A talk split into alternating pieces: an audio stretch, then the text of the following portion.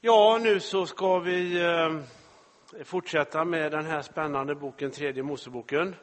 Den är ju nästan som en thriller. Drygt 25 kapitel lagar och förordningar som är stundtals helt obegripliga. Så att utgångspunkten är bra här, tycker jag. Eh, faktiskt. Och, eh, vi ska alltså inte lämna Tredje Moseboken riktigt än, utan eh, vi ska se på, på några av de där texterna som aldrig någonsin någon läser i en kristen gudstjänst. Det vågar jag lova. Eh, till exempel det, det, det, det, femtonde kapitlet och sextonde kapitlet om flytningar som kommer ut från kroppen och sådär. Bara så alltså, ni vet vad vi har att vänta ikväll. Och det artonde kapitlet om eh, om sexualitet i felaktiga led och sånt där. Det, det, det är rätt mycket spännande som väntar här kan jag säga. Alltså. Tunga texter som, som, som, som sagt att vi inte läser som inledningsord på söndag förmiddag precis. Eh, jag satte fokus på de här helighetslagarna sist. Och vi konstaterar då, jag repeterar bara snabbt, att det där med rent och orent har en eh, mång, alltså är mångtydiga, de här begreppen. Det, det, är så kallade homonymer, alltså ord som kan, kan ha olika betydelse beroende på vilket sammanhang de förekommer. Alltså samma ord kan ha helt olika betydelse. Och vi konstaterar då att rent och orent kan betyda rituell renhet och orenhet, deltagande i gudstjänsten. Vi, vi sa då att man får inte alltså delta i gudstjänsten om man är rituell oren. Eh, det vill säga, eh, om kvinnan har menstruation till exempel så får hon inte delta i gudstjänsten. Eh, och dessutom måste det gå x antal dagar efter menstruationen innan hon får delta i gudstjänsten igen.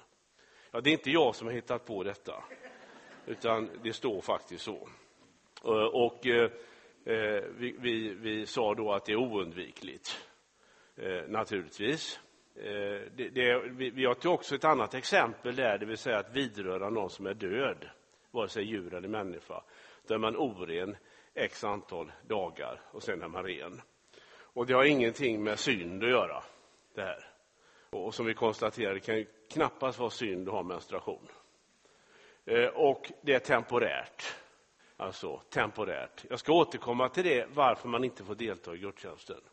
Det, det finns en förklaring till det. Och så talade vi om moralisk renhet och orenhet. Det är ju så vi förknippar det här ordet med, med att, att man lever orent. kan man göra på, på inte bara det sexuella området utan också på det ekonomiska området. Vi, vi kan syssla med orena affärer. Och vi kan orena oss genom att vi förtalar grannen och så. Det är den moraliska betydelsen av rent och orent. Och då handlar det om synd, tog de här exemplen eh, där man måste då göra syndabekännelse, helt enkelt. Alltså den, den, den moraliska orenheten, den kan bara avlägsnas genom bekännelse och förlåtelse. Och så talade vi om ren och oren föda.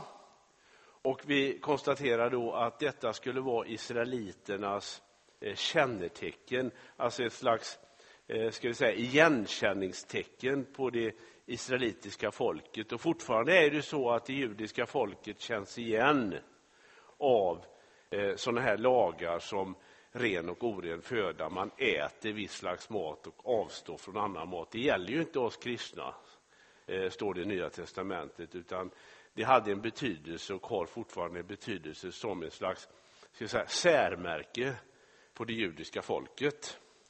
Och jag gjorde ju den här jämförelsen med uniformen i Frälsningsarmén, brukar jag göra.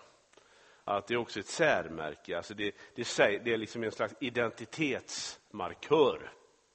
Och inte heller här handlar det om synd. Det är inte så att en jude syndar om man äter fläskkött. Rabbinerna säger att eh, det är ingen synd, men inte bra. Eh, och det har att göra med identitet, helt enkelt. det här det här bibelordet i, i det tjugonde kapitlet. Va? Eh, ty jag har avskilt er från andra folk för att ni ska tillhöra mig. Ett slags tillhörighetstecken. Nå, när det är sagt så ska vi ta upp eh, rätt kontroversiella ämnen här. Vi ska börja med renhetslagarna och förbudet mot sexualitet i felaktiga led. Fertilitet och reproduktion. Och det finns rätt många lagar i tredje Moseboken där det står till exempel att kvinnan är oren efter eller det faktum när hon har menstruation och x dagar, antal dagar efteråt, därefter är hon ren. Det står också att när mannen har haft sädesavgång är han oren en dag. Och har man samlag så är båda orena en dag, fram till kvällen, står det. Det förutsätter att det hänt någonting på morgonen kanske då. Jag vet inte hur, hur de tänker där. Men liksom en dag, temporärt, är man rituellt oren. Observera detta. Alltså man får inte delta i gudstjänsten. Hur man nu kan kolla det är en annan sak, men det lämnar vi därhän. Och vad är liksom, alltså det finns väldigt många som har funderat på vad, det, vad, vad, vad, liksom, vad, vad innebörden i detta är. Och, och, och, jag tror, som en judisk eh, teolog som heter David Biale skriver i en bok, att det där har att göra med människans skapande funktion. Alltså vi är ju skapade till Guds avbilder. Han skapade människan till sin avbild.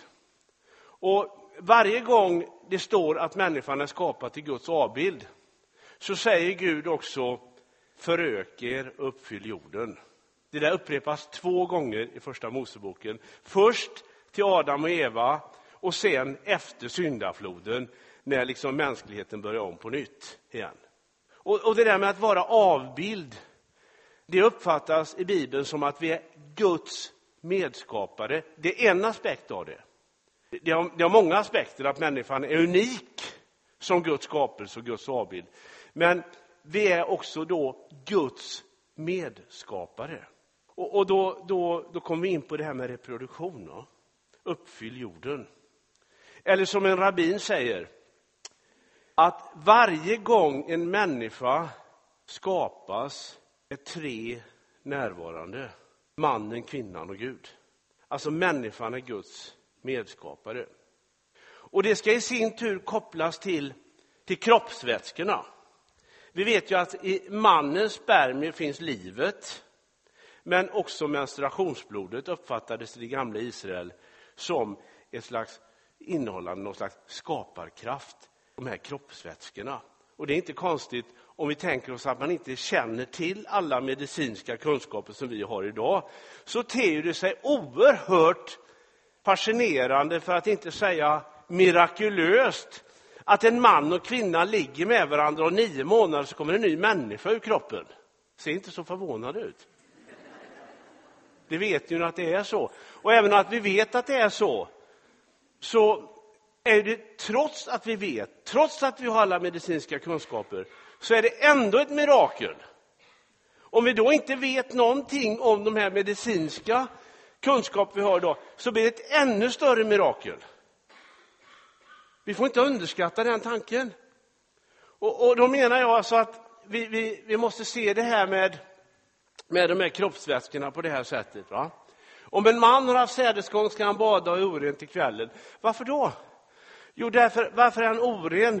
Jo, därför att han kan inte delta i gudstjänsten. Vilken gudstjänst? Ja, det handlar inte bara om tempelgudstjänsten. Det handlar om den skapande funktionen. Att vi är Guds medskapare. Därför att när kroppsvätskan har lämnat kroppen så krävs det en återhämtning på en dag. För att vi ska kunna gå in i den skapande funktionen igen. Eller hur? Det är logiskt. Vi behöver vila för att kunna skapa. Till och med Gud vilade, står det, på den sjunde dagen. Alltså vilan ingår i skapandet, återhämtningen. Och detsamma gäller ju då eh, kvinnan, mannen ska bada orena till kvällen.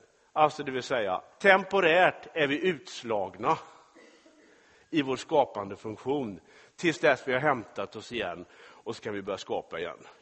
Alltså det här med reproduktion är extremt centralt i Gamla testamentet.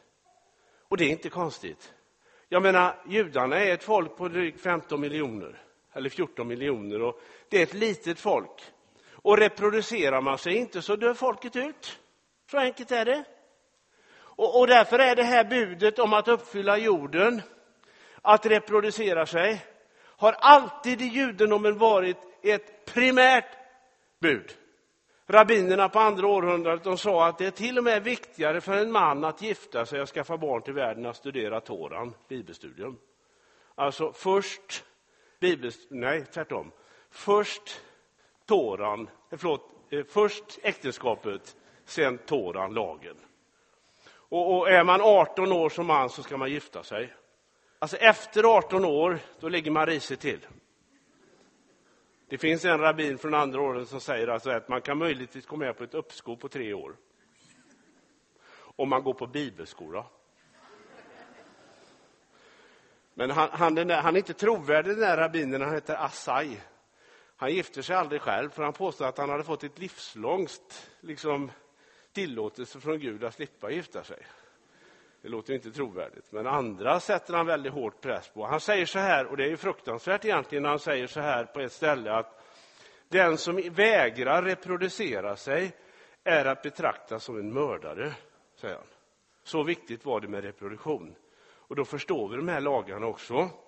Och det gäller ju då eh, menstruationen, därför att alltså under menstruationen så kan man inte bli gravid normalt. Jag ska inte gå in på några undantag och så där nu. Men det är det normala. Det vill säga man upptäcker att man blir inte gravid under menstruationen. Man är temporärt, så att säga, oren. Alltså man är temporär, eh, eh, så att säga, eh, inte längre i den skapande funktionen. Och så ska man då låta det gå sju dagar till dess att man kan sätta igång igen. Rent ut sagt. Va? Det där är intressant också därför att då normalt befinner man sig mitt i menscykeln. Det vill säga att det är störst chans för graviditet också. Så att de där lagarna är väldigt så att säga, reproduktionsbejakande på det sättet att Gud är ganska finurlig. Han vet hur det hela går till. Han har ju skapat det hela förstås. Det var ju inte förvånande på något sätt. När kvinnan renas efter blödningen ska hon låta det gå sju dagar, sedan är hon ren. Alltså här är logiken i det hela. Och, och, och då menar jag så här att eh, det här med den här rituella renheten och skapande funktionen är också någonting som vi ska tänka på när vi läser det här väldigt kontroversiella kapitlet i 18 kapitlet. Som man i Bibel 2000 har satt i det föga upphetsande eh, rubriken Lagar om könsumgänge. Jag tycker det låter förfärligt. Det låter som någon slags avelshistoria eller sådär. Eh, det tillhör inte grundtexten alltså, det är Bibelkommissionens rubrik. Jag tror att det står så i alla fall. Tredje Mosebok 18. Här har vi massor av lagar om sexualitet i felaktiga led. För det första, ingen får närma sig någon som är av hans eget kött och blod för att lägra henne. Incestuösa förhållanden, inte bra för reproduktion. Du får inte närma dig en kvinna för att lägra henne när menstruation är oren, det vill säga det blir ingen reproduktion. Det låter här väldigt oromantiskt. Men eh, jag vill betona det här med reproduktion. Det finns andra motiv i Gamla testamentet med kärlek och alltihop det där va, som, som vi är så... Det behöver man inte säga egentligen, det, det vet vi redan. Va? Du får inte ligga med en man som man ligger med en kvinna. Det är något avskyvärt. Varför då? Därför att det blir ingen reproduktion. Nu säger inte jag att det är den enda den enda orsaken till detta, detta förbud. Men det är en bärande orsak. Det blir faktiskt ingen reproduktion. Om en man ligger med en man som han ligger med en kvinna. Dessutom förspills den värdefulla, eh, de värdefulla spermierna som livet är bärare av. Det märkliga är att det står ingenting om lesbiska förhållanden i det här kapitlet. Och då kan man undra varför då? Jo, därför att det händer ju ingenting. Eller som en, en, en jag tror att det var samma rabbin Shammai sa att, eh, eller eh, eh, den här rabbinen som jag citerade sist, han säger så här att ja, det händer ju ingenting, säger han, i ett lesbiskt förhållande egentligen, därför att, att man, man liksom räknar inte det som sexualitet, därför att det förspills ingenting. Det kan vara en av förklaringarna till att det är bara manlig homosexualitet som nämns här i det 18 kapitlet.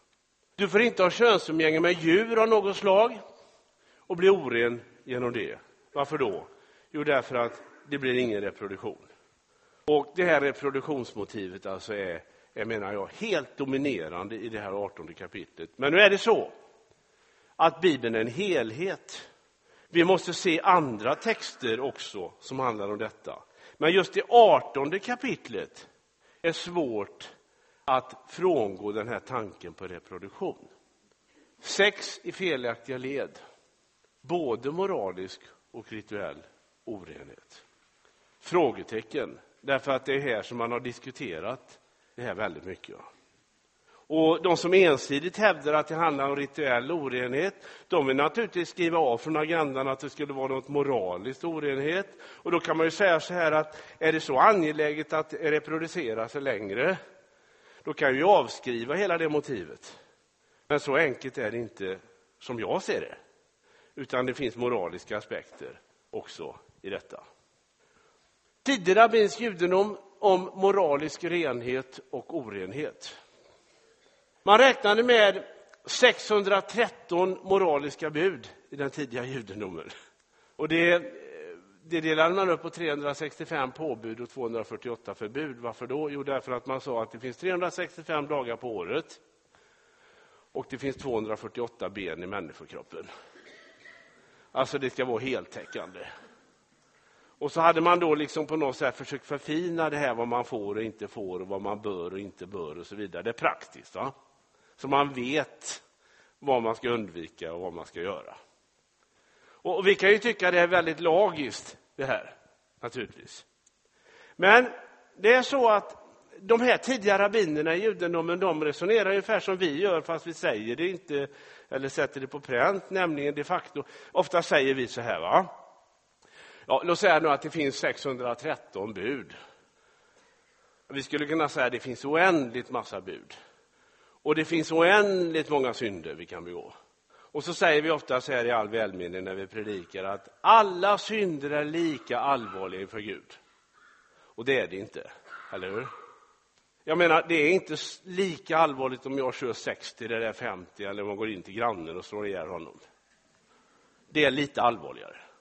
Så att, jag menar, om vi ska vara realistiska, vissa synder är värre än andra. Fast jag förstår eh, tanken att vi är syndare inför Gud, oavsett om vi är små eller stora syndare. Men det finns faktiskt värre syndare än andra. Jag har aldrig slått ihjäl någon hittills i alla fall.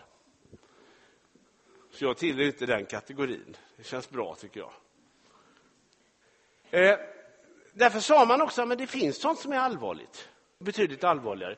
De tre allvarligaste synderna, det är rätt intressant det här. Det, det, är tre allvarliga synder och det är det här som sexualiteten kommer in också. Som gör att man kan inte, alltså vi har en viss, så att säga, eh, vägledning här från, från judiska bibeltolkare. Så jag menar är expert på de här texterna. De säger så här att det finns tre synder som står ut utav de här 613. Den, den första det är utgjutande av oskyldigt blod. Då har vi det där med att slå ihjäl grannen. Det är allvarligt. Det är en kardinalsynd, säger man. Det andra det är otillåtna sexuella relationer. Här har vi den moraliska aspekten på det som står i tredje Mosebok 18. Det är inte bara reproduktionshämmande, utan det strider alltså mot Guds moral. Sexualitet i felaktiga led. Och det tredje, det är avgudadyrkan. Det är allvarligt. Det har att göra med själva fundamentet i den bibliska tron om vi börjar blanda ihop Gud med andra gudar. Du ska inga andra gudar hava jämte mig.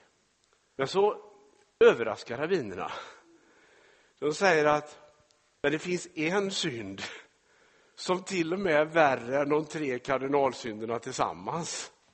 Och då blir man väldigt nyfiken. Vad kan det vara för synd? Kan det vara någonting som är värre och till och med allvarligare än alla tre tillsammans? Ja, säger man. Och nu blir vi väldigt förvånade. Det är förtal. Det är värre än de tre kardinalsynderna tillsammans. Eller som, som eh, eh, Talmud säger. Men förtal, det vill säga det onda talet, är lika allvarligt som de tre kardinalsynderna tillsammans. Eller som någon har sagt, mord med ord. Det borde stämma oss till viss eftertanke faktiskt. Vad förtal, alltså när vi talar illa om varandra med avsikt att skada varandra, hur fruktansvärt allvarligt det är egentligen. Och ändå kanske vi tycker att vi kan ta lätt på det. Men Paulus talar ju om förtal om och om igen när han varnar för församlingens, eh, församlingens uppförande och liv. Att man ska se upp med förtalet. Han talar ju till och med att det kan skapa en förruttnelse. Det kan sprida sig som en, som en kallbrand. Just det där med förtalet, det onda talet. Och det är någonting som vi ska tänka på. Hur vi talar med och om varandra. Sexualitet i felaktiga led, moralisk, rituell orenhet. Vad kan vi lära av den tredje Moseboken? Ja, alltså jag kanske ska stanna där. Det kanske är någon som har någon fråga på detta delikata ämne. Alltså jag försöker bara lyfta fram vad som står i texten. Då. Vi vet ju att det här är jättekomplicerat, det här, naturligtvis. Men vi kan ju inte liksom göra våld på texterna, utan det är vad tredje Moseboken säger. Och vi kan inte ändra på texten. Och eh, vi kan heller inte tolka bort texten, menar jag. Det blir väldigt konstigt att eh, liksom läsa in andra saker i texten än vad som står i texten. Vad kan vi lära av den tredje Moseboken? Ja, för det första försoningens nödvändighet. Den här boken ställer krav på gudsfolket, det heliga livet. Vi har ju pratat om det heliga livet. Men samtidigt så får vi inte glömma att de åtta första kapitlen innehåller offer. Det visar på försoningens nödvändighet, det vill säga att vi felar, vi bryter, vi kommer till korta, vi misslyckas och så kommer det vara i våra liv. Men Gud är inte den Gud som enbart har förväntningar på oss. Han är också den Gud som är försonaren, som genom offret på Golgata försonar oss med sig. Försoning, där ett brutet förhållande återupprättas. Gudstron berör hela livet, det lär tredje Moseboken. Jag tycker det är så fascinerande med den här boken att Gud lägger sig i allting. Det handlar om mat och vad vi stoppar i kastrullerna. Det handlar om sex och det handlar om hus och det handlar om hur vi ska förhålla oss till grannar och invandrare och avgudar och allt möjligt. Allt, allt, allt. Och är det någonting vi kan lära från tredje Mosebok, det är att följa Jesus. Det har inte att göra med enbart att jag går på gudstjänst på söndag eller att jag gör vissa religiösa eh, saker, så att säga, temporärt. Utan det handlar om hela livet. Allt ska präglas av min tro på Jesus. När Jesus säger, den som vill följa mig, ta på korset. Det handlar om hela livet. Och det lär oss tredje Moseboken. De moraliska lagarna är bestående. Det är viktigt. Om vi säger att de andra är tillfälliga, gäller Israel eller judarna, det vill säga de rituella lagarna, så är de moraliska lagarna bestående. Och vi kan läsa tredje Mosebok, ta till exempel det 19 kapitlet, som, som ni kan läsa när ni kommer hem. Och framförallt avslutningen av 19 kapitlet, det skulle kunna läsas upp i Sveriges riksdag och antas, skulle man förhoppningsvis kunna, kunna tänka sig, antas av samtliga riksdagspartier. Där det talas om att vi ska inte förtrycka den fattige, vi ska behandla invandraren med respekt och rätt och vi ska själva minnas att vi en gång har varit invandrare och så vidare. Vi ska inte fuska med vikter, rätt mått, rätt vikt och så vidare. Det är tidlösa moraliska regler som, som Gud har gett oss för att vi ska, vi ska bestå, inte bara som samhälle men också som Guds folk och församling. Tredje Mosebok 19. Jag är Herren, er Gud. Du ska resa dig för ett grått huvud, hedra den gamle, du ska frukta din Gud. Jag är Herren. Om en invandrare slår sig ner i ett land ska ni inte förtrycka honom. Invandraren som bor hos er ska ni behandla som en infödd. Du ska älska honom som dig själv. Ni var ju själva invandrare i Egypten. Jag är Herren i Gud. Ni ska inte handla orätt när ni dömer om längdmått, vikt, rymdmått, riktig våg, riktiga vikter, riktigt efamått, riktigt hinmått ska ni ha. Jag är Herren i Gud som har fört er ut ur Egypten. Ni ska hålla alla mina bud och stadgar och följa dem. Jag är Herren. Vem skulle kunna komma på en idé om att det här är bara någonting temporärt? Som gällde under en viss epok, som bara gällde för ett visst folk. Det här gäller för Guds folk också idag. Och om inga andra i det här samhället står för de här moraliska lagarna så ska Guds folk stå för de lagarna och vara ett tecken och ett ljus i, i, den här, i den här världen vi lever i. Det är vår kallelse. Det tillhör vår efterföljelse, helt enkelt. Tredje Mosebok 19. Och det är ju faktiskt, jag måste göra en koppling nu till Nya Testamentet. Därför att vi har en koppling mellan tredje Mosebok och bergspredikan, Jesu bergspredikan. Den livsstil som möter oss i tredje Moseboken är den livsstil Jesus pekar på i bergspredikan. Lägg märke till att det står Herren sa till Mose, när tredje Moseboken gavs till Mose. Förklaringarna. Herren sa till Mose, gå upp till mig på berget och stanna där, så ska jag ge dig stentavlorna, de tio budorden, lagen och buden som jag har skrivit för att undervisa folken. Och så står det om Jesus. När han såg folkskarorna gick han upp på berget. Det märker till parallellen, det är rätt fascinerande det är att Mose går upp på Sinai berg och tar emot lagen från Gud. Jesus går upp på berget och så sätter han sig ner och likt Mose så ger han folket lagen. Hans lärjungar kom fram till honom, han började undervisa dem. Och nu är det den moraliska lagen som Jesus sätter i fokus. Tro inte att jag kommit för att upphäva lagen. Det är intressant. Eller profeterna. Jag har inte kommit för att upphäva, utan för att uppfylla. Alltså det finns en kontinuitet mellan Jesus och Mose lag. Vet ni förresten att det här är det enda nytestamentliga bibelord som är citerat i Talmud? Det kan ni lägga på minnet. Det har de uppmärksammat, rabbinerna, att Jesus faktiskt har sagt detta. Det finns en kontinuitet mellan det gamla gudsfolket och det nya gudsfolket. Nu säger jag inte att det är samma sak. Det finns en väsentlig skillnad mellan det gamla gudsfolket och det nya gudsfolket. Och det är tron på Jesus. Tron på Jesus. Men det finns väldigt mycket gemensamt. Det är samma Gud, det är samma uppenbarelse, det är förbunden som Paulus säger, det är löftena och så vidare. Han räknar upp en lång radda där som vi har ifrån judarna, säger han. Och så säger han där också i Romarbrevet där han, där han räknar upp detta att en gång i framtiden så ska Israel bli frälst, säger han.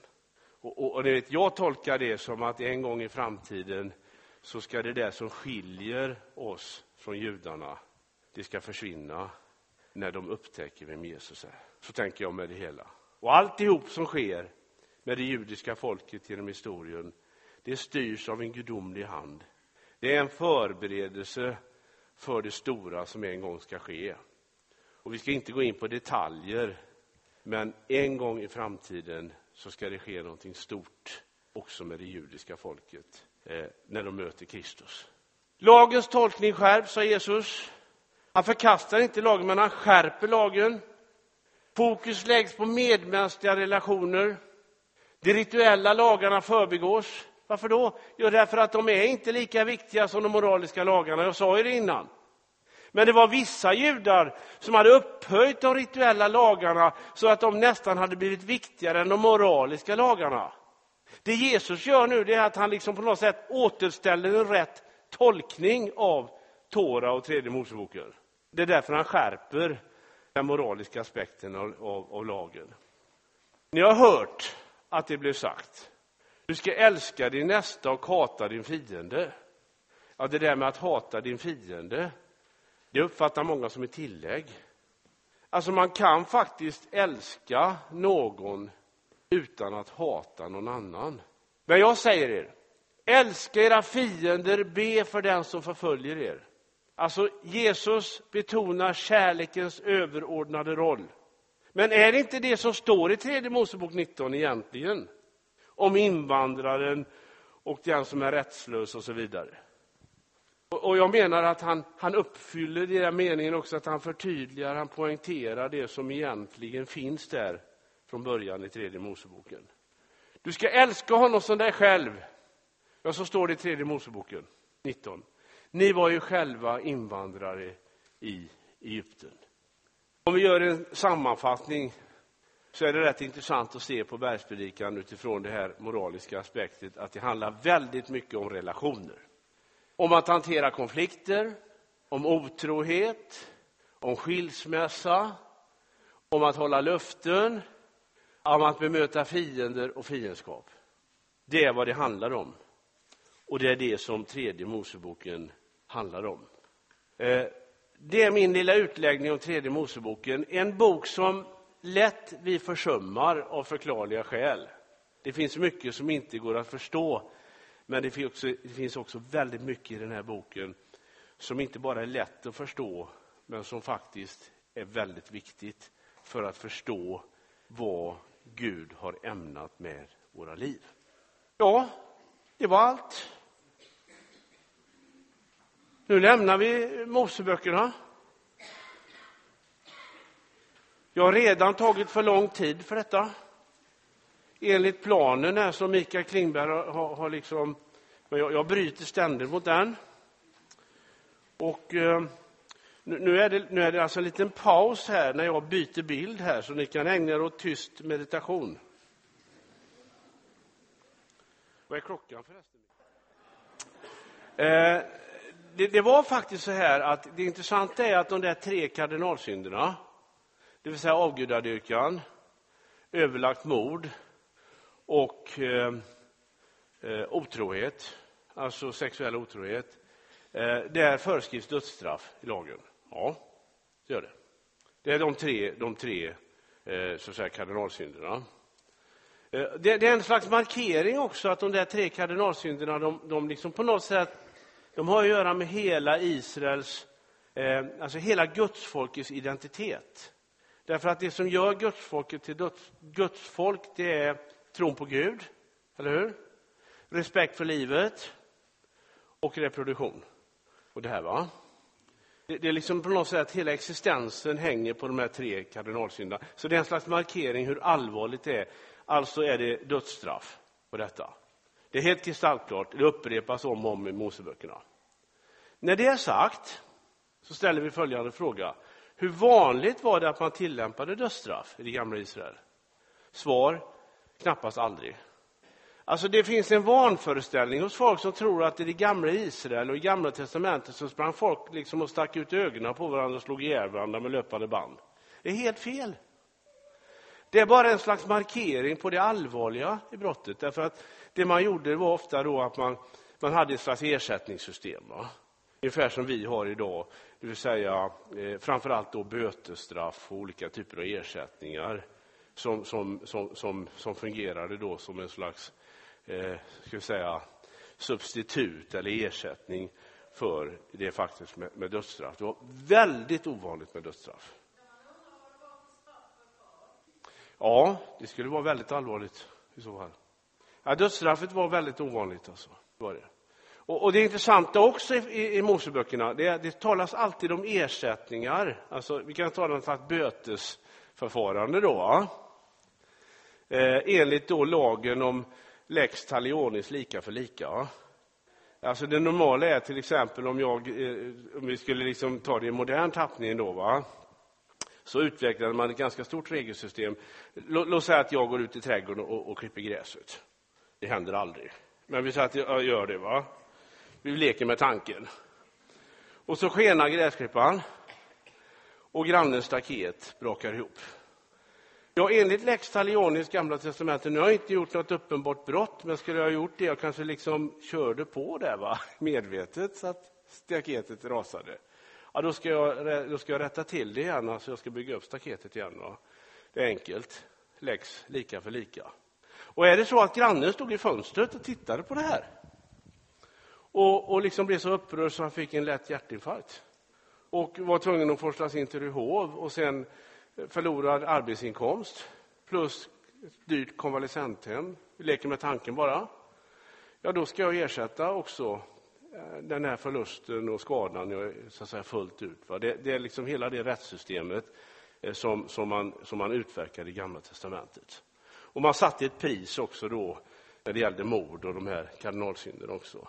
Enligt lex talionis, lika för lika. Eh, och så, jag menar, detta är ju hela västerländska rättssystemet bygger på det här. Vi har ju ärvt det från Gamla testamentet. Det tänker ju inte folk på. Det var någonting jag skulle säga i samband med detta. Nej, men just det där med dödsstraffet då. Va? Sen ska vi, oh, vi, ska, vi ska klart en sak också. De som förespråkar dödsstraff utifrån Gamla testamentet och pekar på alltihop det här. Va? Det finns ju alltså till exempel väldigt konservativa politiker i sydstaterna i USA som, som sätter upp tio Guds bud liksom, och, och, och, och förordar dödsstraff med hänvisning till gammaltestamentlig lag. De glömmer två saker. Det ena det är att Gud är inte den Gud som bara dömer. Han är också den som försonar. Han som inte tillräknar våra synder. Han som ger eftergift, han som förlåter, han som upprättar. Vi har ju massa exempel på det i Gamla testamentet. Mose till exempel som slog ihjäl folk och David och så vidare. Märkligt nog så, så förlåter ju Gud och upprättar. Va? Det glömmer man. Det andra det är, om vi nu går till sydstaterna då, att om man ska följa en lag så ska man följa alla lagar. Jag brukar säga så här, varför följer man inte lagen om den stora eh, eh befrielsedagen, alltså sabbatsåret? Då all egendom skulle återgå till den ursprungliga ägaren. Det skulle vara intressant om man tillämpade den i USA. Det tror jag inte skulle vara lika populärt, så att säga. Det är alltid lättare att komma dragandes med dödsstraff. Liksom, va? Alltså vi, vi liksom selektivt väljer ut vissa lagar som inte berör mig. Men de som berör mig, de behöver vi inte följa. Ni vet, det var ju så efter 50 år så skulle ju all egendom fördelas på nytt. Det tycker jag är en väldigt rolig lag egentligen. Vilket kaos det skulle bli. Bara efter Sovjets fall och östblockets fall då så försökte man ju reda ut vem som hade ägt vad innan eh, kommunismen uppstod. Och det vart ju ett himla kaos alltså. Vi hade vänner i Tjeckoslovakien där, de visste ju, det kom ju folk liksom och gjorde anspråk på det och det. Det är inte så lätt alltså. Och det där med, med den stora sabbatsåret, som är föreskrivet också i tredje Moseboken. Det har aldrig tillämpats i det gamla Israel någon gång, och förklarar jag själv. Det är liksom too much, så att säga. Så även de liksom insåg att vissa lagar var omöjliga att tillämpa. Eh, vad heter han? Eh, Flavius Josefos, en judisk historiker som var samtida med Jesus, han påstår att man försökte tillämpa detta en gång 64 år efter intåget i Kanans land. Men jag vet inte, han hittar på en hel del Josefus och sådär också, så att jag tror inte det är sant. Ja, hörni, nu, nu, nu är det paus.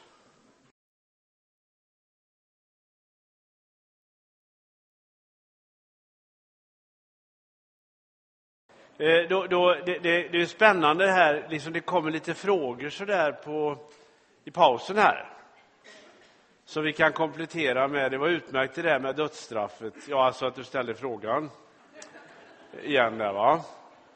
Vi fick rätt ut det. Och eh, det, kom en kommentar här som är viktig också, det här med eh, att eh, de, de, sexuella synderna här då, eller felaktiga led också. Eh, det finns ju en annan moralisk aspekt i detta, det är ju då att eh, israeliterna ska inte göra som de gör i Kanans land, eller i Egypten. Alltså det fanns ju då i de här eh, områdena, både i Egypten och i de, de, de kananeiska folken då som bodde där israeliterna intog landet, fanns ganska avancerade sexuella fruktbarhetsriter som då eh, israeliterna naturligtvis ska ta avstånd från. Och, och sen vill jag också betona det här när vi pratar om sex att det, det kan bli väldigt oromantiskt om man bara pratar om reproduktion. Det är faktiskt så att man kan ha sex av andra orsaker också. Nu ser ni ännu mer förvånade ut. Eh, och det där är ett väldigt viktigt tema i Gamla testamentet. Vi har en hel bok som handlar om, om, om eh, erotisk kärlek som en gåva från Gud, nämligen Höga visan. Det nämns inte ett, på ett enda ställe i Höga visan om reproduktion. Det, det är eh, som, som en, en judisk forskare säger, den, en av de mest sekulära böckerna i Gamla testamentet. Fast jag håller inte med honom, för det är inte alls sekulärt, utan tvärtom. Det är livsbejakande, alltså sexualiteten som ett uttryck för kärlek mellan man och kvinna är någonting gudagivet, skapat av Gud. Eh, och Det är ett väldigt viktigt tema i Gamla testamentet, menar jag också, som tyvärr sen kyrkan tog avstånd från, eh, den tidiga kyrkan, och sen som har följt med i kyrkans historia nämligen den här eh, negativa inställningen till, till, till sexualitet eh, som har funnits i kyrkan, tyvärr. Det är först i modern tid som på något sätt man upp, som det har upprättats. Det var det ena. Det andra det var att någon ställde frågan så här att varför offrar man inte judendomen idag? Och det är en intressant fråga. Och det är ganska enkelt därför att offer förutsätter att det finns ett tempel. Först då i uppenbarelsetältet, eller tabernaklet som vi säger i, i Gamla testamentet innan templet, sen första och andra templet. Men efter år 70 så är ju judendomen en tempellös religion. Och man offrade och man firade högtider knutna till templet fram till år 70. Judar från hela medelhavsvärlden strömmade till Jerusalem på de stora högtiderna, det vill säga eh, påsk, pingst, lövhögtiden. Men sen plötsligt när templet faller år 70 så, så finns det ingen offergudstjänst längre.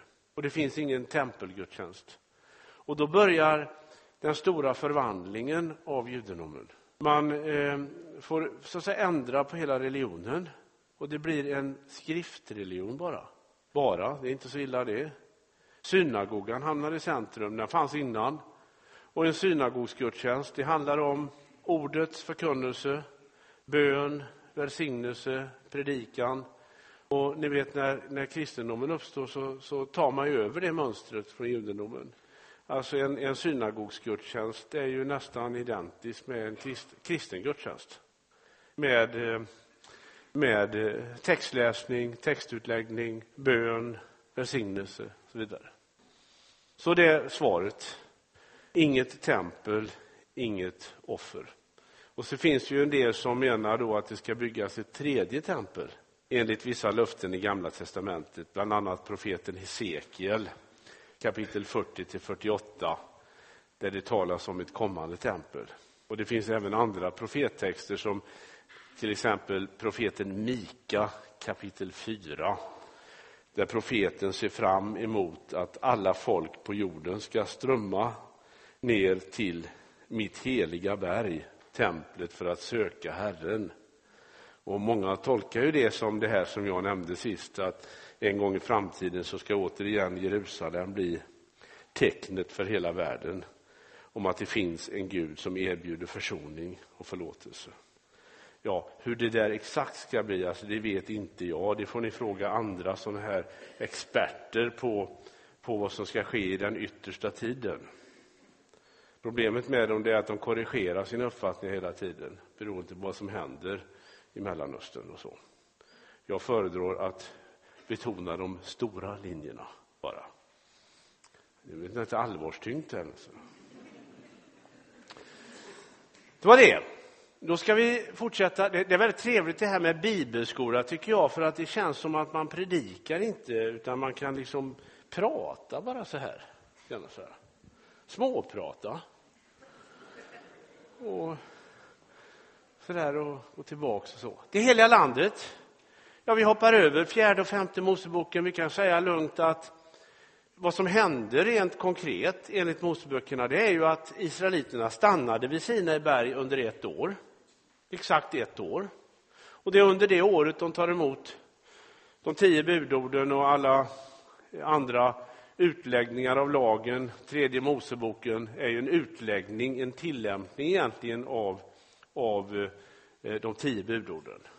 De är allmänna, mer generella lagar och så ska de tillämpas, brytas ner i exakta lagar.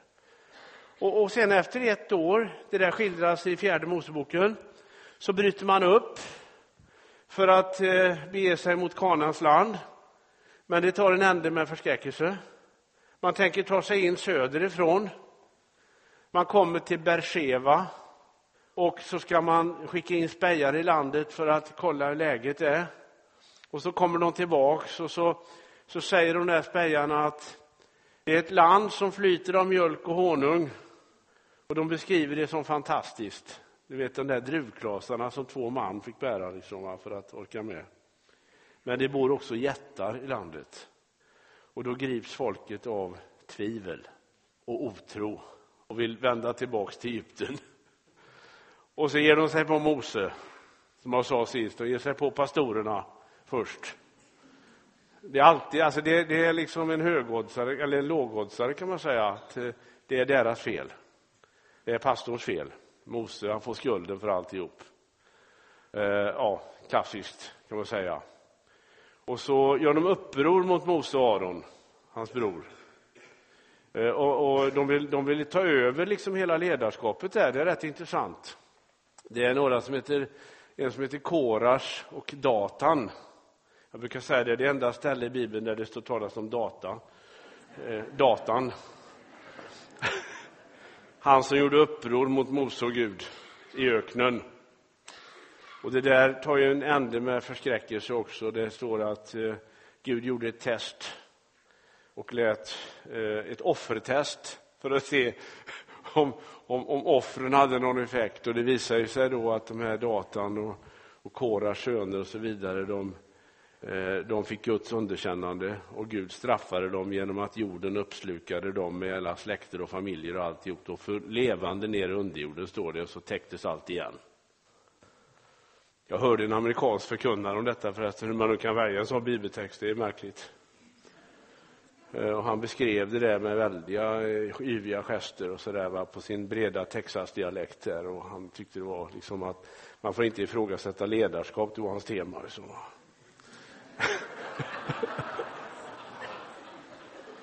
och, och, så beskrev han hur, hur, hur, hur Gud liksom ställde upp den här testen och sen så beskrev han i väldiga ordalag där hur liksom hela jorden slukade de hela, hela släkterna och så slutade man så, så här att eh, And then God said to the people, any other questions?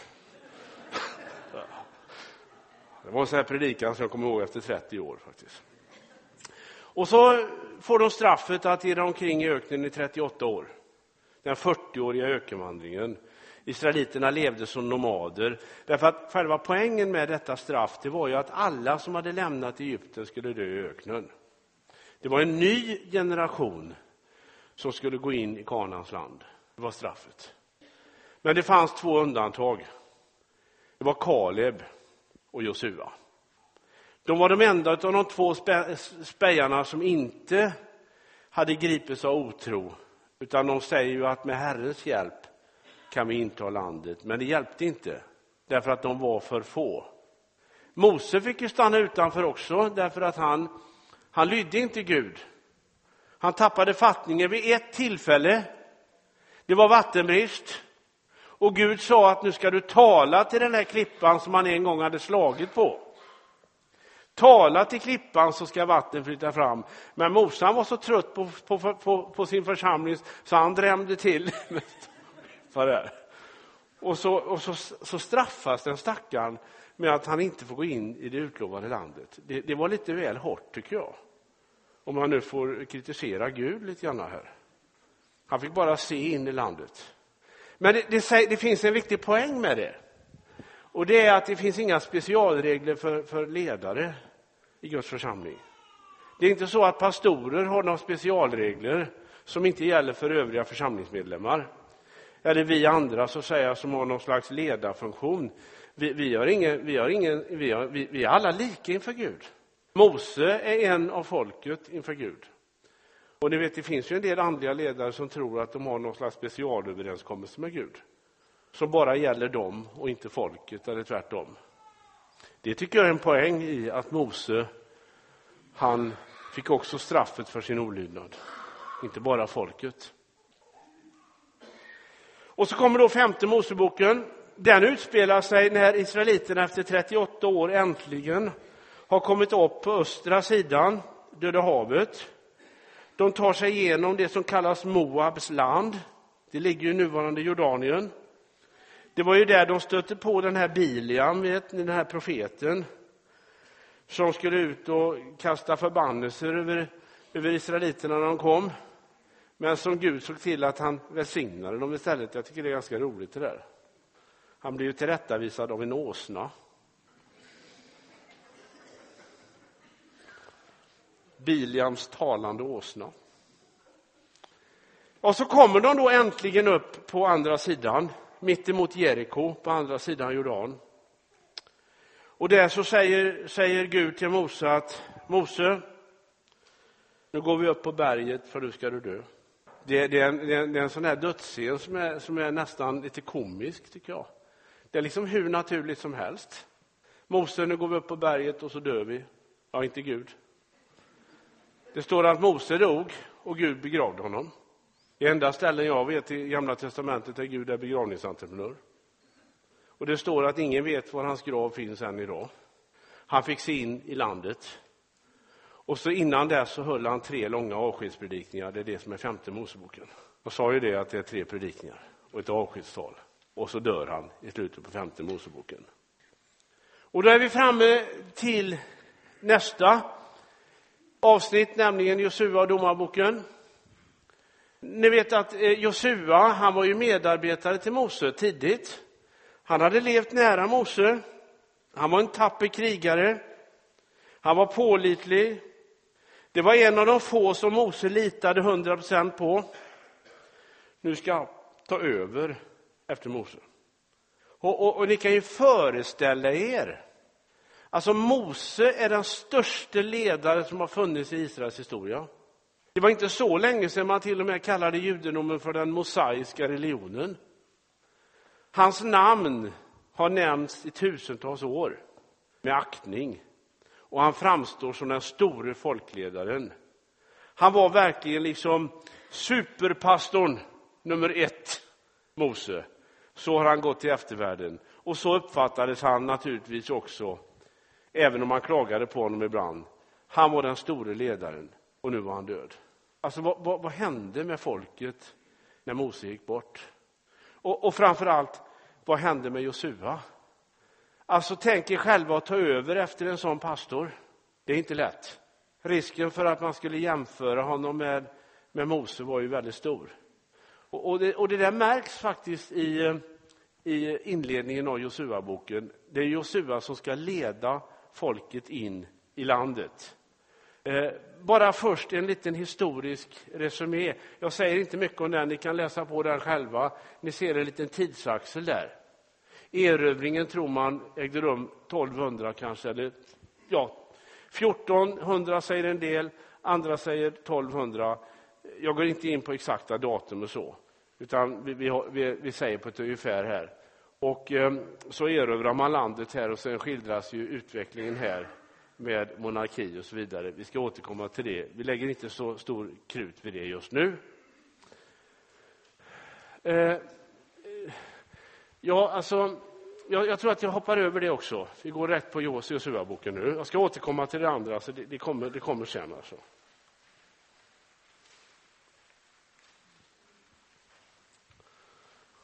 Jag känner att vi ska rakt på Josua nu här. Josua-boken. Och, och, den här boken den, den, skildrar ju nu alltså då att israeliterna efter 38 år eller 40 år i öknen, de har lämnat Egypten och ska återerövra Kanans land.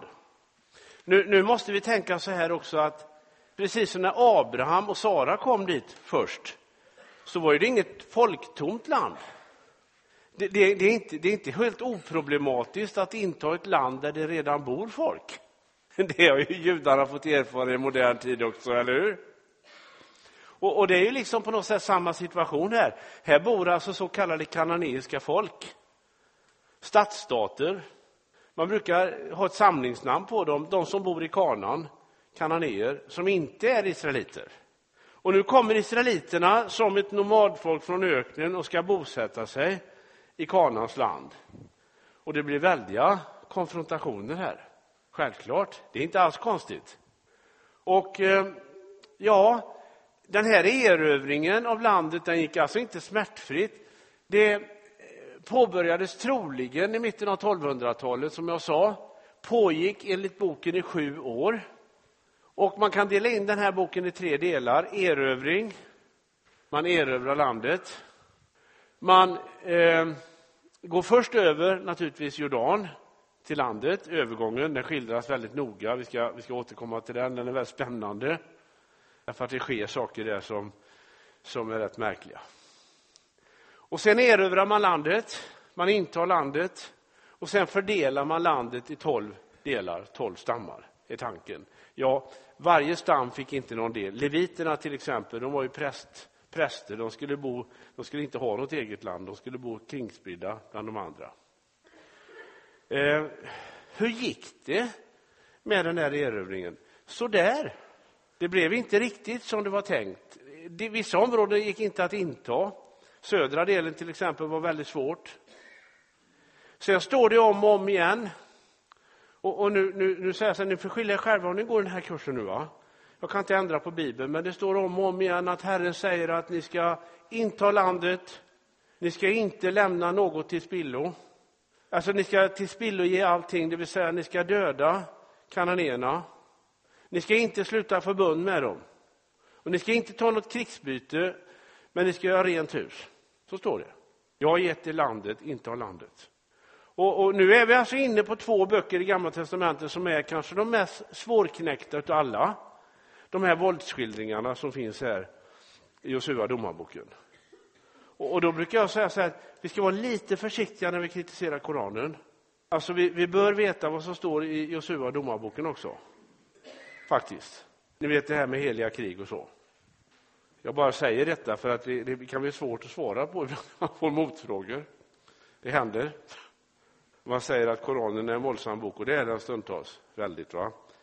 Så säger folk så här, men, femte, men, men, men Josua-boken då? Den går inte av för hack i den heller. Eller hur?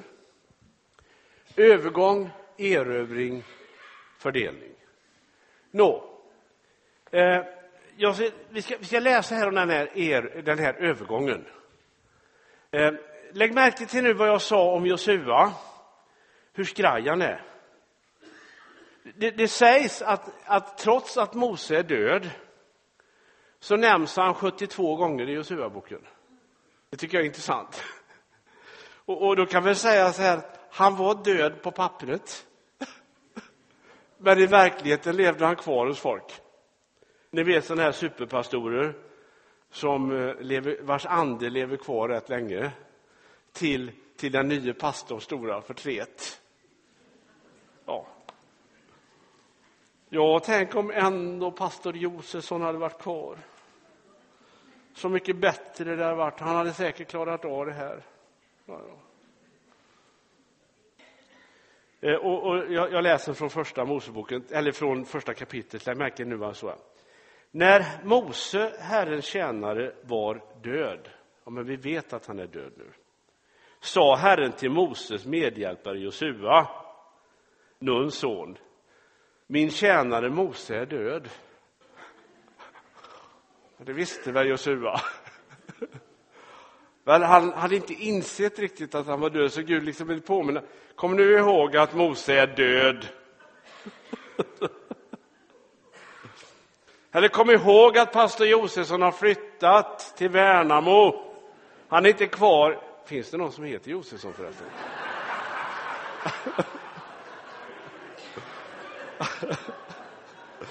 Han är inte kvar i Vaggeryd. Det är du som är här nu. Glöm honom. Han är död, höll jag på att säga.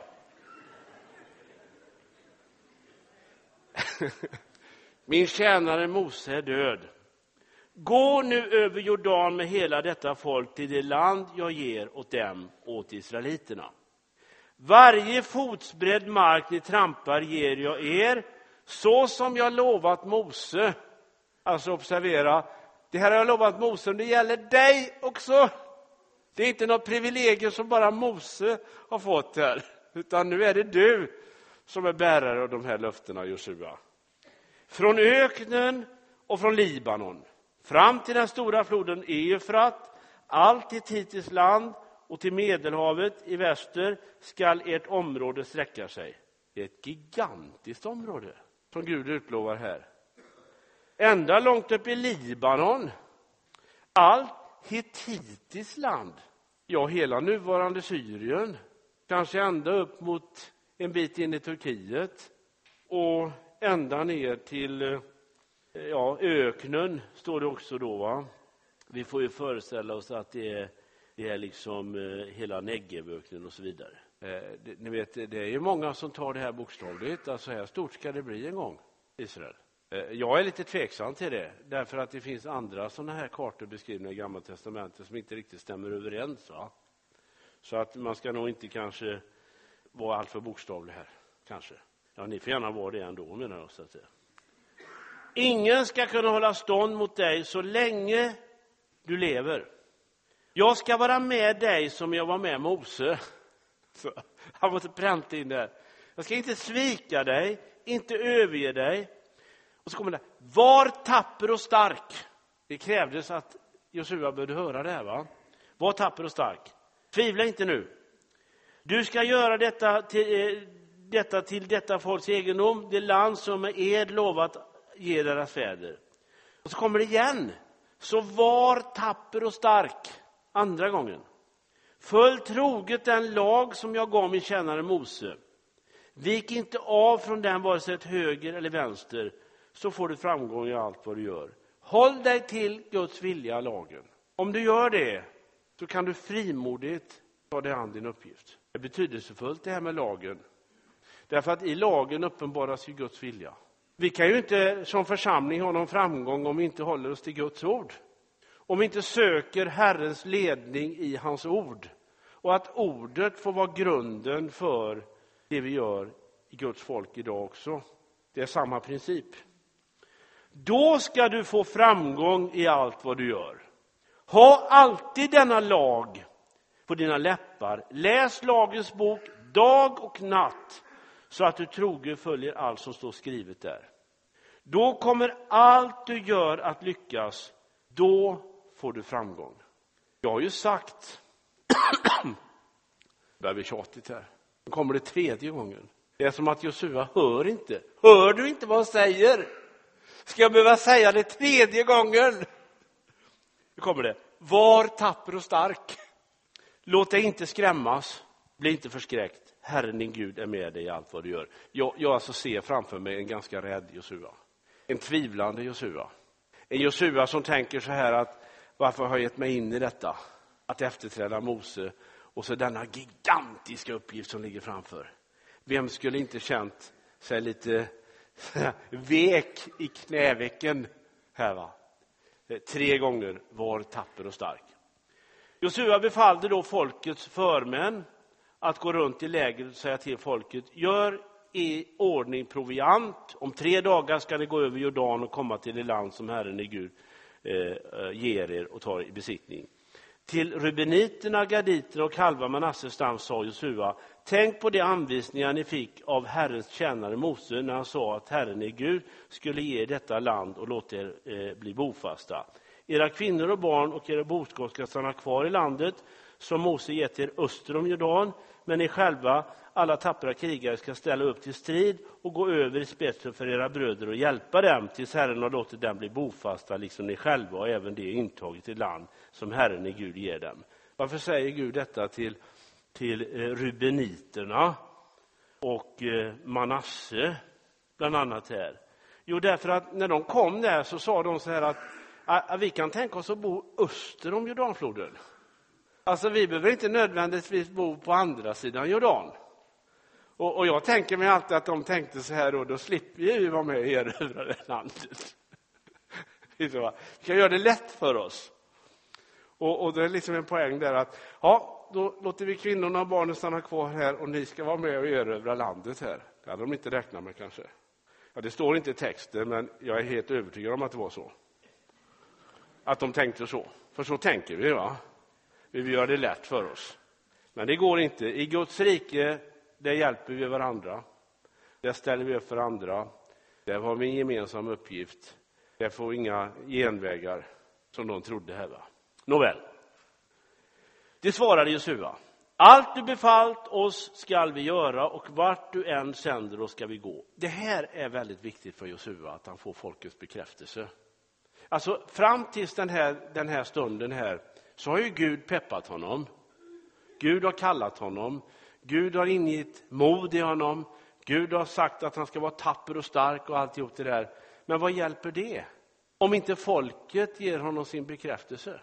Och jag tror att det är en lättad Josua som nu får folkets bekräftelse. Så är det med ledarskap. Även om jag har en kallelse från Gud och jag kan vara övertygad om att Gud har kallat mig. Om jag inte har folkets förtroende, om jag inte får församlingens bekräftelse på mitt ledarskap, ja, då får jag väldiga problem. Det är ett samspel. Jag tycker det är viktigt det där med församlingens bekräftelse. Det finns ett ledarskap idag som tenderar att bli väldigt auktoritärt. Ni vet sådana där ledare som säger att jag har fått min kallelse från Gud och jag bryr mig inte om vad församlingen säger. Jag tror att det är obibliskt. Ett ledarskap från Gud, det grundar sig på en kallelse, men det grundar sig också på församlingens bekräftelse på ledarskapet. Annars går det inte. Annars blir det ett ledarskap som lever sitt eget liv. Ni vet, för några år sedan så diskuterade man ju det här med apostoliskt ledarskap. Och, och, jag tyckte eh, det var väldigt farliga inslag i det resonemanget när man sa till exempel så här att Ja, jag leder församlingen så länge de är med och är det någon som ifrågasätter det minsta så drar jag vidare till nästa. Vad är det för typ av ledarskap? Ett ledarskap oberoende av församlingen. Där jag dikterar villkor och det andra liksom bara förväntas att säga ja och amen till allting jag kommer på därför att jag har fått det direkt ifrån Gud eller så. Jag tror inte Gud vill ha det så. Jag tror att det är galet. Och vi ska vara rädda om församlingens auktoritet. Varje kristen är en kristen som är bärare av Guds ande och som kan ta emot budskap från Gud och ge budskap och betyda någonting för andra i församlingen. Det ska vi vara väldigt viktiga. Sen är det viktigt med ledare också. Men ledarens uppgift är, som en schweizisk teolog som heter Emil Brunner säger, är primärt att se till att anden fritt får verka i församlingen. Vi bygger en församling tillsammans. Nu börjar jag predika här, men nu ska vi återgå till Josua. Som vi lydde Mose ska vi lyda dig. Må bara Herren din Gud vara med dig som han var med Mose. Var och en som trotsar ditt ord och inte lyder dig i allt du befaller skall dödas. Det var en väldig lojalitet här. Och så kommer det för fjärde gången, fast nu från folket. Observera, de tre första gångerna är det Gud som säger det, nu är det folket som säger det. Var tapper och stark. Fjärde gången. Första kapitlet. Och så sänder de ut spejare för att bespeja landet. Och de ser att Jeriko är en befäst stad. Jeriko är det stora hindret på andra sidan som ska intas. Och så börjar övergången i kapitel 3. Och det är en märklig berättelse. Alltså vi kan bara inte gå snabbt förbi den, Mikael. Jag tänker på ditt schema där. Jag blir nervös kapitel 3. Lyssna nu. Först så gör Mose klart för folket att nu ska vi passera Jordan och vi ska göra det efter tre dagar. De ska rena sig, de ska förbereda sig. Rena er, säger han i den femte versen, ty imorgon ska Herren göra under bland er. Ett mirakel. V vad är det som ska ske? Ja, vi skulle kunna säga att israeliterna ska inta landet. Men hur ska det ske? Ja, inte som ett normalt erövringståg, inte som ett normalt erövringskrig, utan det är ju Herren som ska leda dem in i landet. Han ska gå före dem in i landet. Det är Gud som ska leda dem in i landet genom Josua och prästerna. Det är ju inte vilken erövring som helst. Ty morgon, står det, Ty imorgon skall Herren göra under bland er. Och sen händer följande. Och jag läser nu eh, den här mycket märkliga texten från 14 versen. Först instruerar han exakt hur det ska ske och sen så sker det från vers 14. Folket bröt upp från sina lägerplatser för att gå över Jordan med prästerna som har förbundsarken i täten. Alltså, förbundsarken symboliserar ju Gud, Guds närvaro. Det är Guds tron. Och det är ingen tillfällighet nu att prästerna ska gå först med förbundsarken.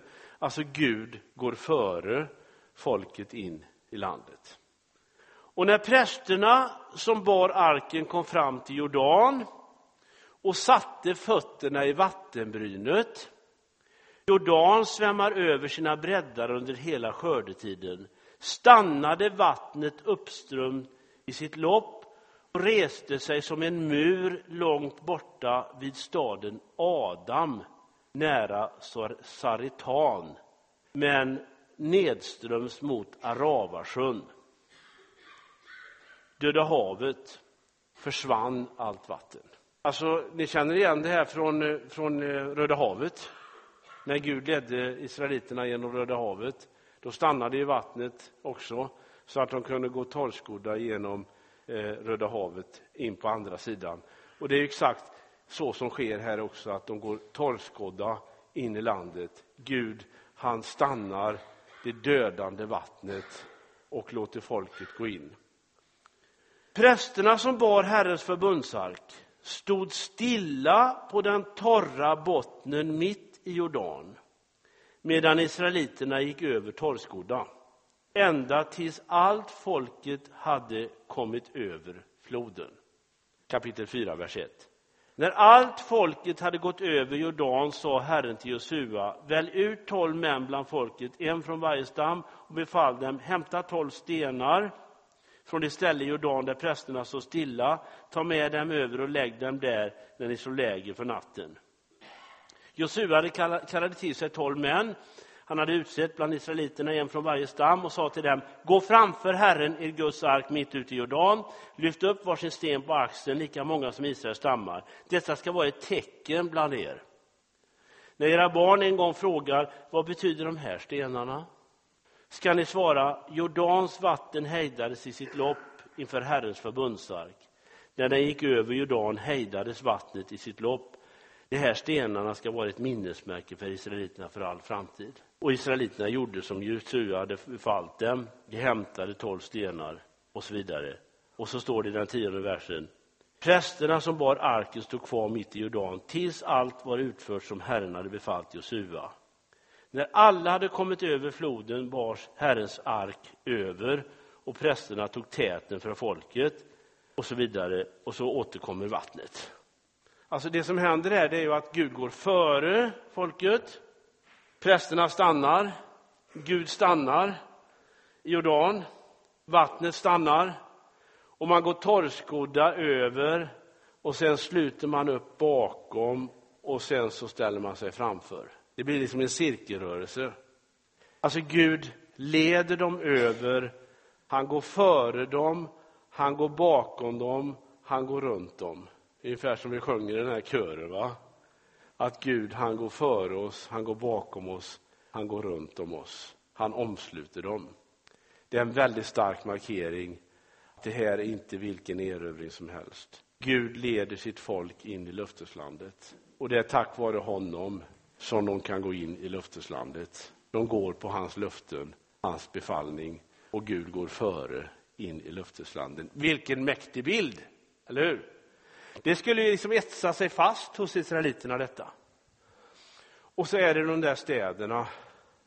Alltså jag hörde en predikan för 40-50 år sedan nu och jag kommer ihåg den än.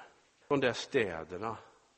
Alltså den här texten är en mäktig bild på frälsningen i Kristus.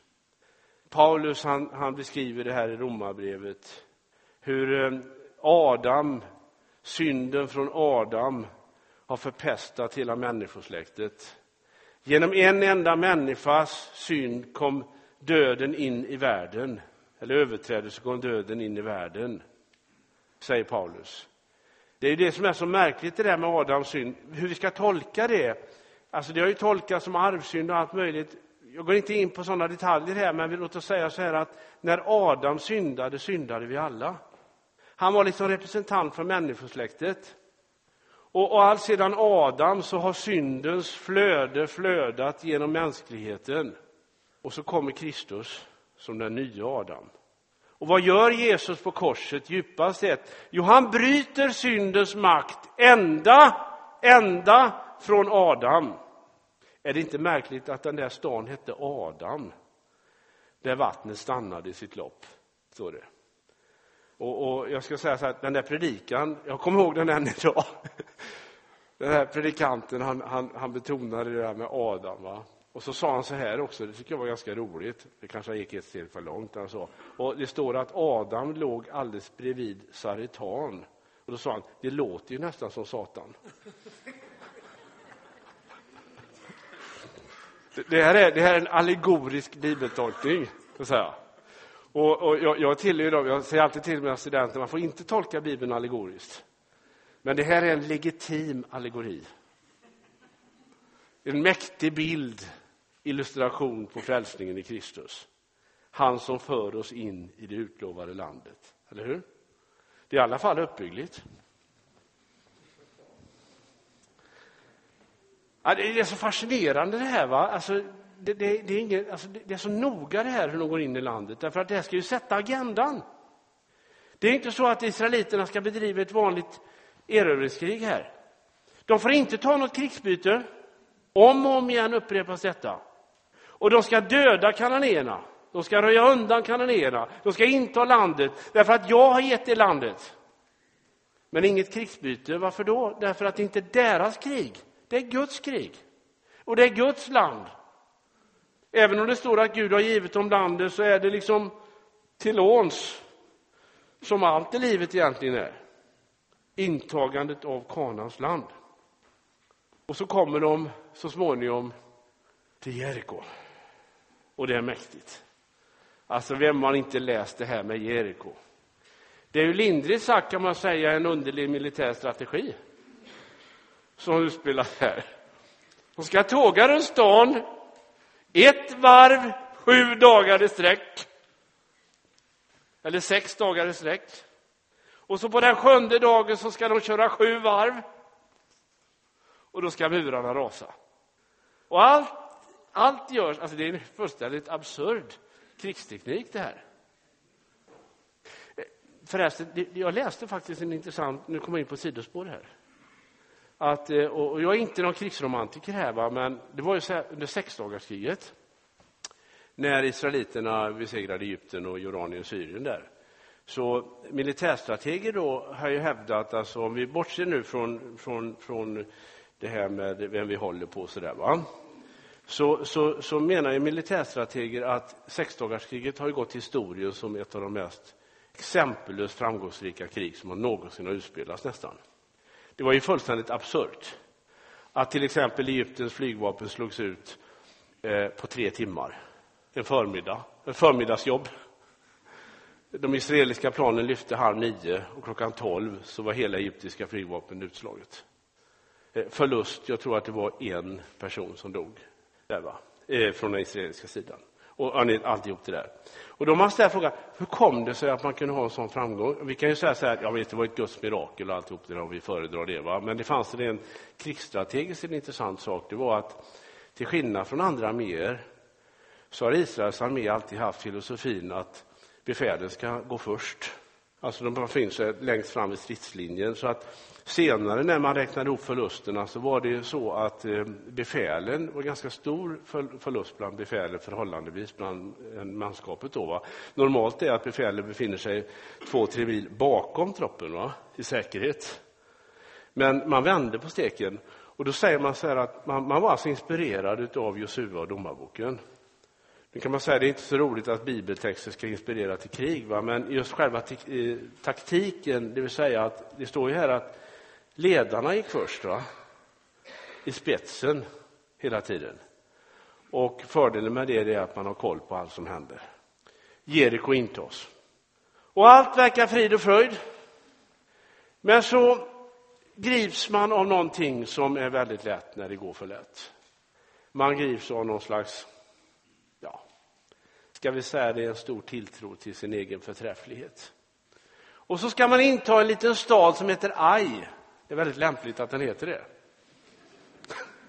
AJ, Aj. Och då tycker Josua och de andra ledarna att den där lilla, ja, jag menar det är ungefär som Vaggeryd jämfört med Stockholm eller så. Ja, det var en dålig jämförelse, men en liten by bara, tycker de.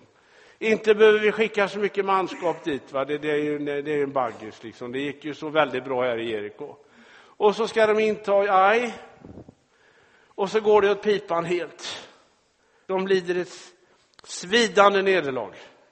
Och då drabbas Josua av det stora tvivlet igen. Då visar det sig att han är väldigt skör. Nej, hur kunde det gå så här? Och jag måste ta en bönedag, tänker han. Alltså, jag måste ha svar på detta. Och i sjunde kapitlet så, så står det så här, lägg märke till hur förtvivlad han är. I den sjätte versen. Josua rev sönder sina kläder, föll ner med, herre, med ansiktet mot marken inför Herrens ark och blev liggande så ända till kvällen. Det var ingen kort bön det här. Han tog en rejäl bön, förmodligen hela dagen. Och, och, och lika som Israels äldste och hela pastorskåren, styrelsen och allihop. Och de strödde jord på sina huvuden och Josua ropade Ack, Herre min Gud, varför förde du detta folk över Jordan? Allt rasar där. Han ifrågasätter hela projektet. Det är katastrof, katastrof. För att ge oss i amoreernas våld. För att förgöra oss. Om vi ändå hade valt att stanna på andra sidan Jordan. Vilket ledarskap. Herre, vad kan jag nu säga nu när Israel vänt ryggen till och flytt för sina fiender? När kananéerna och alla de andra som bor i landet får höra det angriper de oss från alla håll och utplånar vårt namn från jorden. Hur skall du då rädda ditt namns ära? Fattar du inte Gud alltså? Hela ditt namn står på spel här, hela ditt rykte. Och så kommer bönesvaret. Då sa Herren till Josua, stig upp, varför ligger du där med ansiktet på marken? Varför ligger du där och ber? Det finns tillfällen när Guds folk inte ska be. Detta var ett sådant tillfälle. Ja, men efter en hel, en hel dag, bönedag alltså, så svarar Gud äntligen, varför ligger du där? Upp! Josua, upp. Alltså, ni vet, bön kan ju bli en flykt ifrån handling. Bön kan bli en undanflykt för att göra analyser och så vidare. Ja, men vi ber över det. Hur många gånger säger vi inte det va? när vi inte vill besluta? Då? Vi måste nog be ett tag till, säger vi. Det låter ju så fromt och så.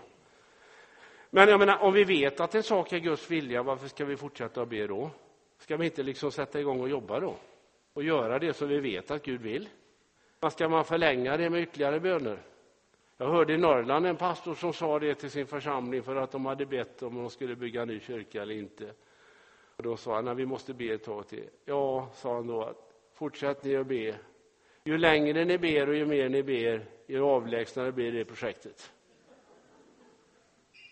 Vad skulle Josua göra istället i det här? Nu, nu, nu ska vi inte sprida några konstigheter att jag säger att inte vi ska be. Det är viktigt med bön. Det är väldigt viktigt med bön. Men jag menar att vissa tillfällen, vi ska inte be över sånt som vi redan har svar på. Då ska vi handla. Och det var ett sånt här tillfälle. Vad säger Gud till Josua? Han säger så här att stå upp, varför ligger du där med ansiktet på marken? Israeliterna har syndat och brutit det förbund som jag befallde dem att hålla. De tog av det som var vikt åt förintelse. De stal det och lade det i smyg bland sina ägodelar. Det borde Josua ha insett att om nu Gud har sagt att om du gör så här och om ni gör så här så kommer det att gå så här. Har det då inte gått så här, då är det inte Gud det är fel på. Då måste felet ligga någon annanstans. Man har inte följt Guds anvisningar, punkt slut. Man har tagit och krigsbyte, vilket man inte fick.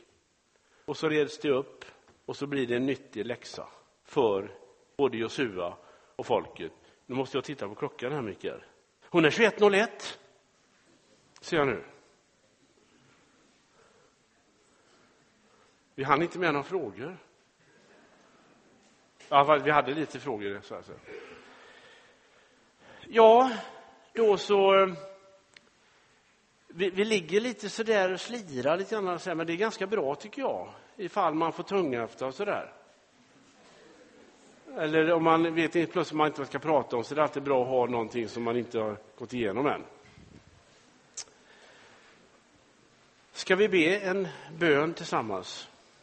Och då hoppas vi inte att Gud säger nu att varför ber ni eller så, det gör han inte. Herre Jesus Kristus, vi tackar dig för att du har fört oss in i löfteslandet. Och du har brutit syndens och dödens makt på korset. Herre, vi, vi tackar dig för att du har lett ditt folk genom alla tider och även när vi inte förstår allt som vi läser om, hjälp oss att ta till det vi förstår. Och hjälp oss att ta till att du är den Gud som finns mitt i vår verklighet. Du var med israeliterna, du ledde dem och du vill rädda dem, men du vill också rädda hela mänskligheten där vi också är en del. I Jesu namn. Amen.